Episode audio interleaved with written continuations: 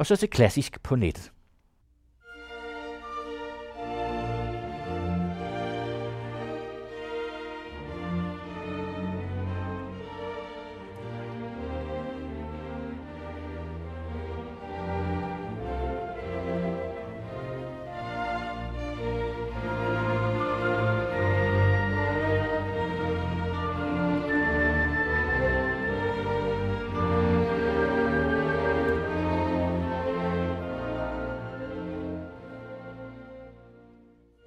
Været musik altid, men siden middelalderen er den også blevet skrevet ned, og de første komponister af flerstemmig musik, vi kender navnene på, er franske, ansat i Notre Dame i Paris, Perrotin og Léonin, og de er fra omkring år 1200.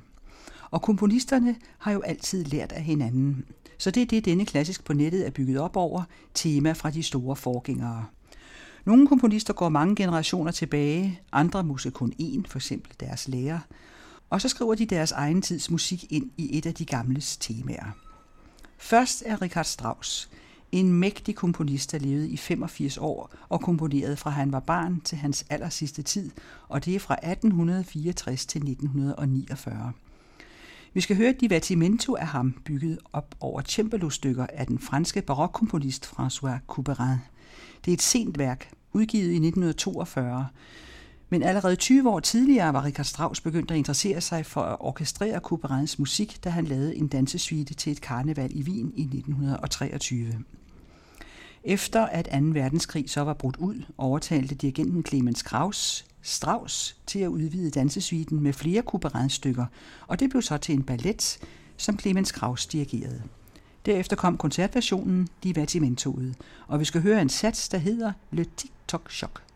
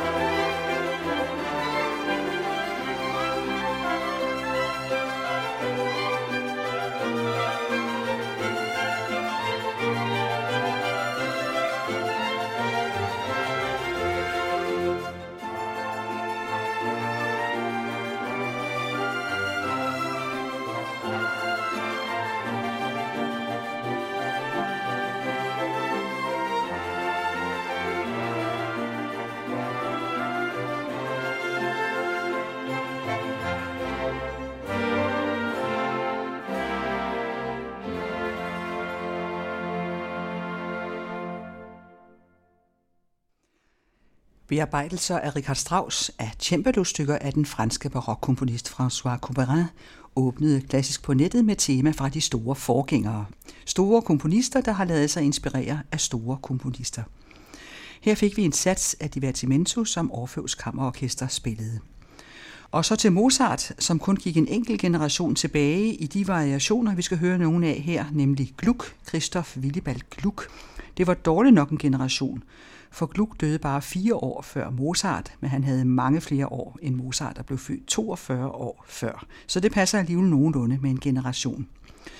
Gluck skrev et komisk syngespil sent i sit liv, De Pilgrimme von Mekka, med en melodi til teksten Unser dummer pøbel meint, vores dumme pøbel mener.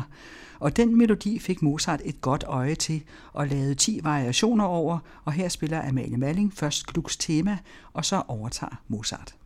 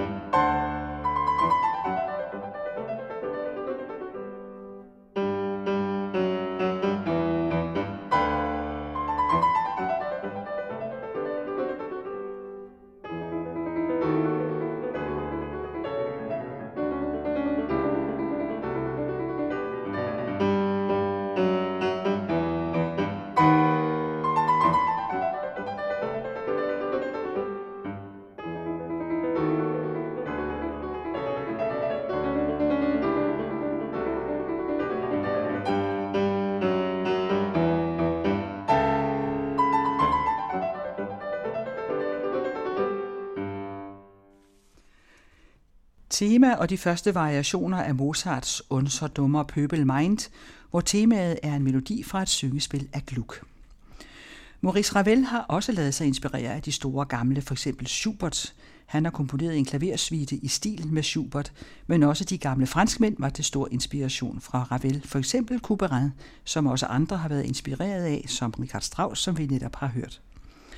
Le tombeau de Couperin betyder Couperins grav, og det er både et personligt minde over Ravels afdøde venner fra 1. verdenskrig og en hyldest til hans store forgænger. Det er en suite i fire satser formet som barokdanse, og her kommer en forlanden.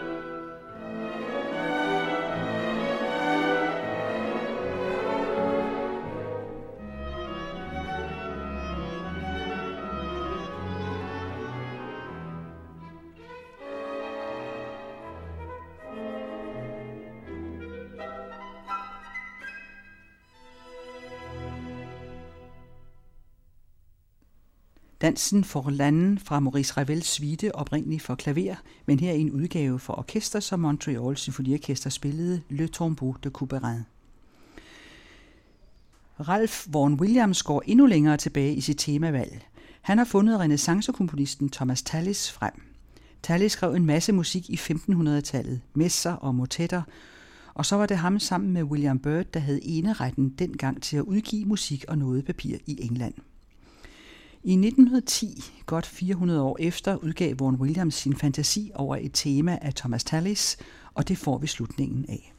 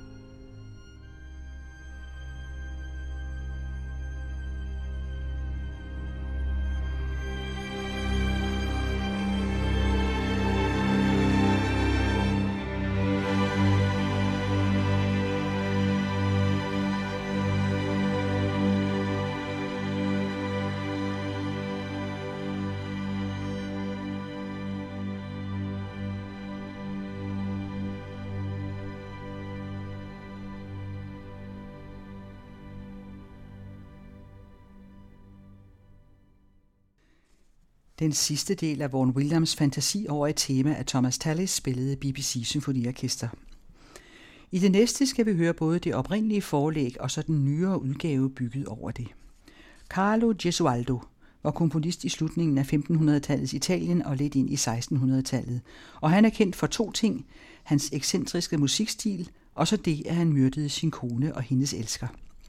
Men han var langt forud for sin tid rent musikalsk.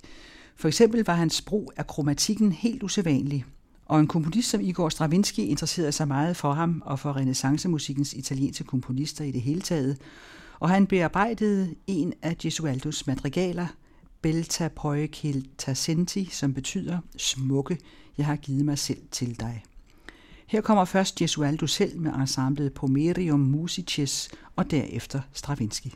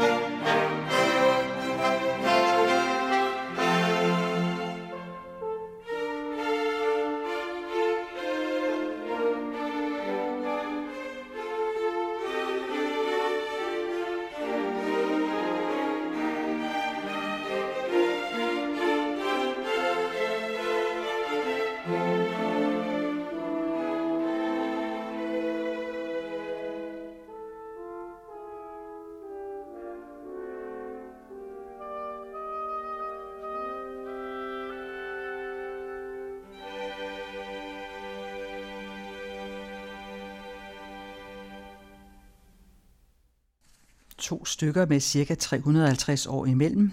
Carlo Gesualdos madrigal Belta Poichi Tassinti, Smukke, jeg har givet mig selv til dig, og derefter Igor Stravinskis orkesterbearbejdelse af det samme værk, hvor han selv dirigerede Columbia Symfoniorkester. Så går vi tilbage til England, og denne gang til Benjamin Britten, som er en generation senere end Vaughan Williams, som vi netop har hørt med et tema af renaissancekomponisten Thomas Tallis. Britten går så ikke længere tilbage end til den store barokkomponist Henry Purcell, der døde i 1695. Og det tema bruger Britten i sin pædagogiske introduktion til orkesterinstrumenterne til børn og unge. Britten har først det flotte tema i stor orkesterudsætning, og derefter præsenterer han orkestrets instrumentgrupper en efter en, og vi hører til og med harpen.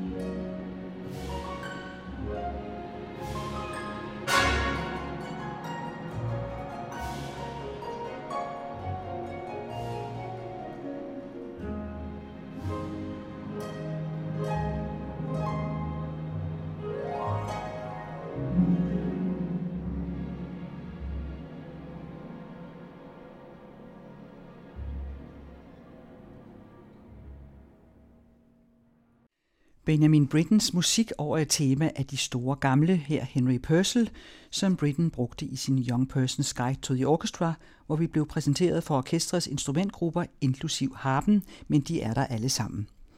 Bergen Philharmonikerne spillede, og så til en dansk komponist, der også er inspireret af franske barokkomponister som Couperin og Jean-Philippe Rameau. De var også virtuoser på cembalo. Svend Erik Tarp, der levede i det meste af 1900-tallet, skrev et af sine vigtigste klaverværker, Carillon, i 1944, inspireret af de franske komponister, og variationsværket kalder han Tema Carillon med variationer. Carillon betyder klokker. Det er den australske i Danmark bosiddende pianist Tonja Limoux, der spiller.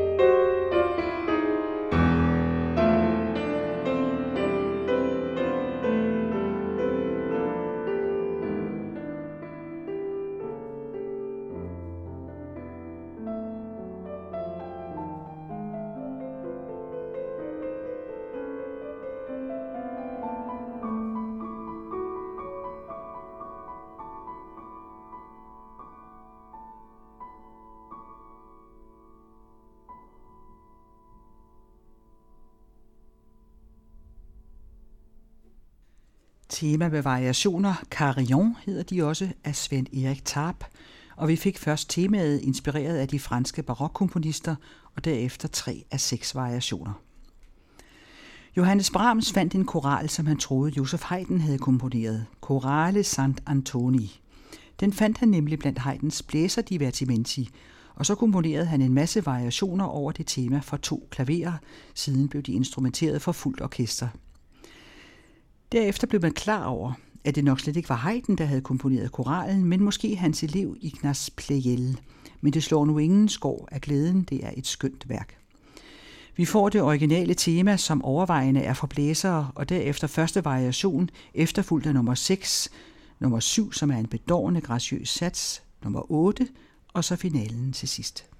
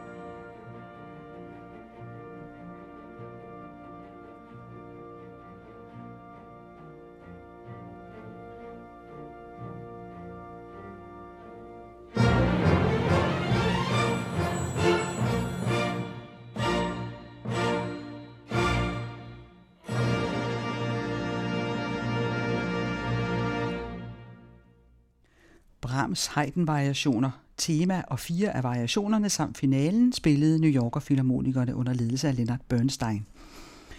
Og de sidste variationer over tema af de store gamle i denne udgave af Klassisk på nettet er Rachmaninoffs.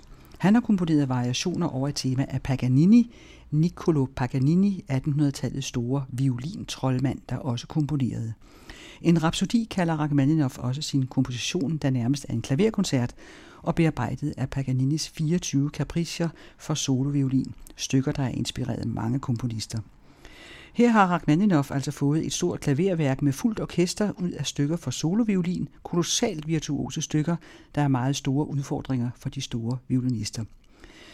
Men her får vi indledningen og otte af variationerne for klaver og orkester, og det er Oleg Marshev, der spiller med Aarhus Symfoniorkester.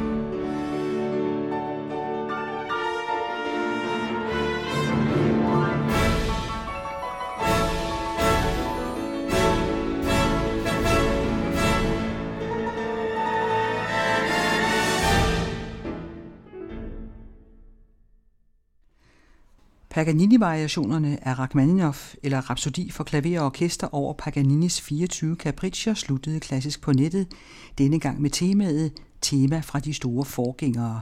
Og det var Oleg Marshev, der spillede med Aarhus Symfoniorkester, som James Lofren dirigerede.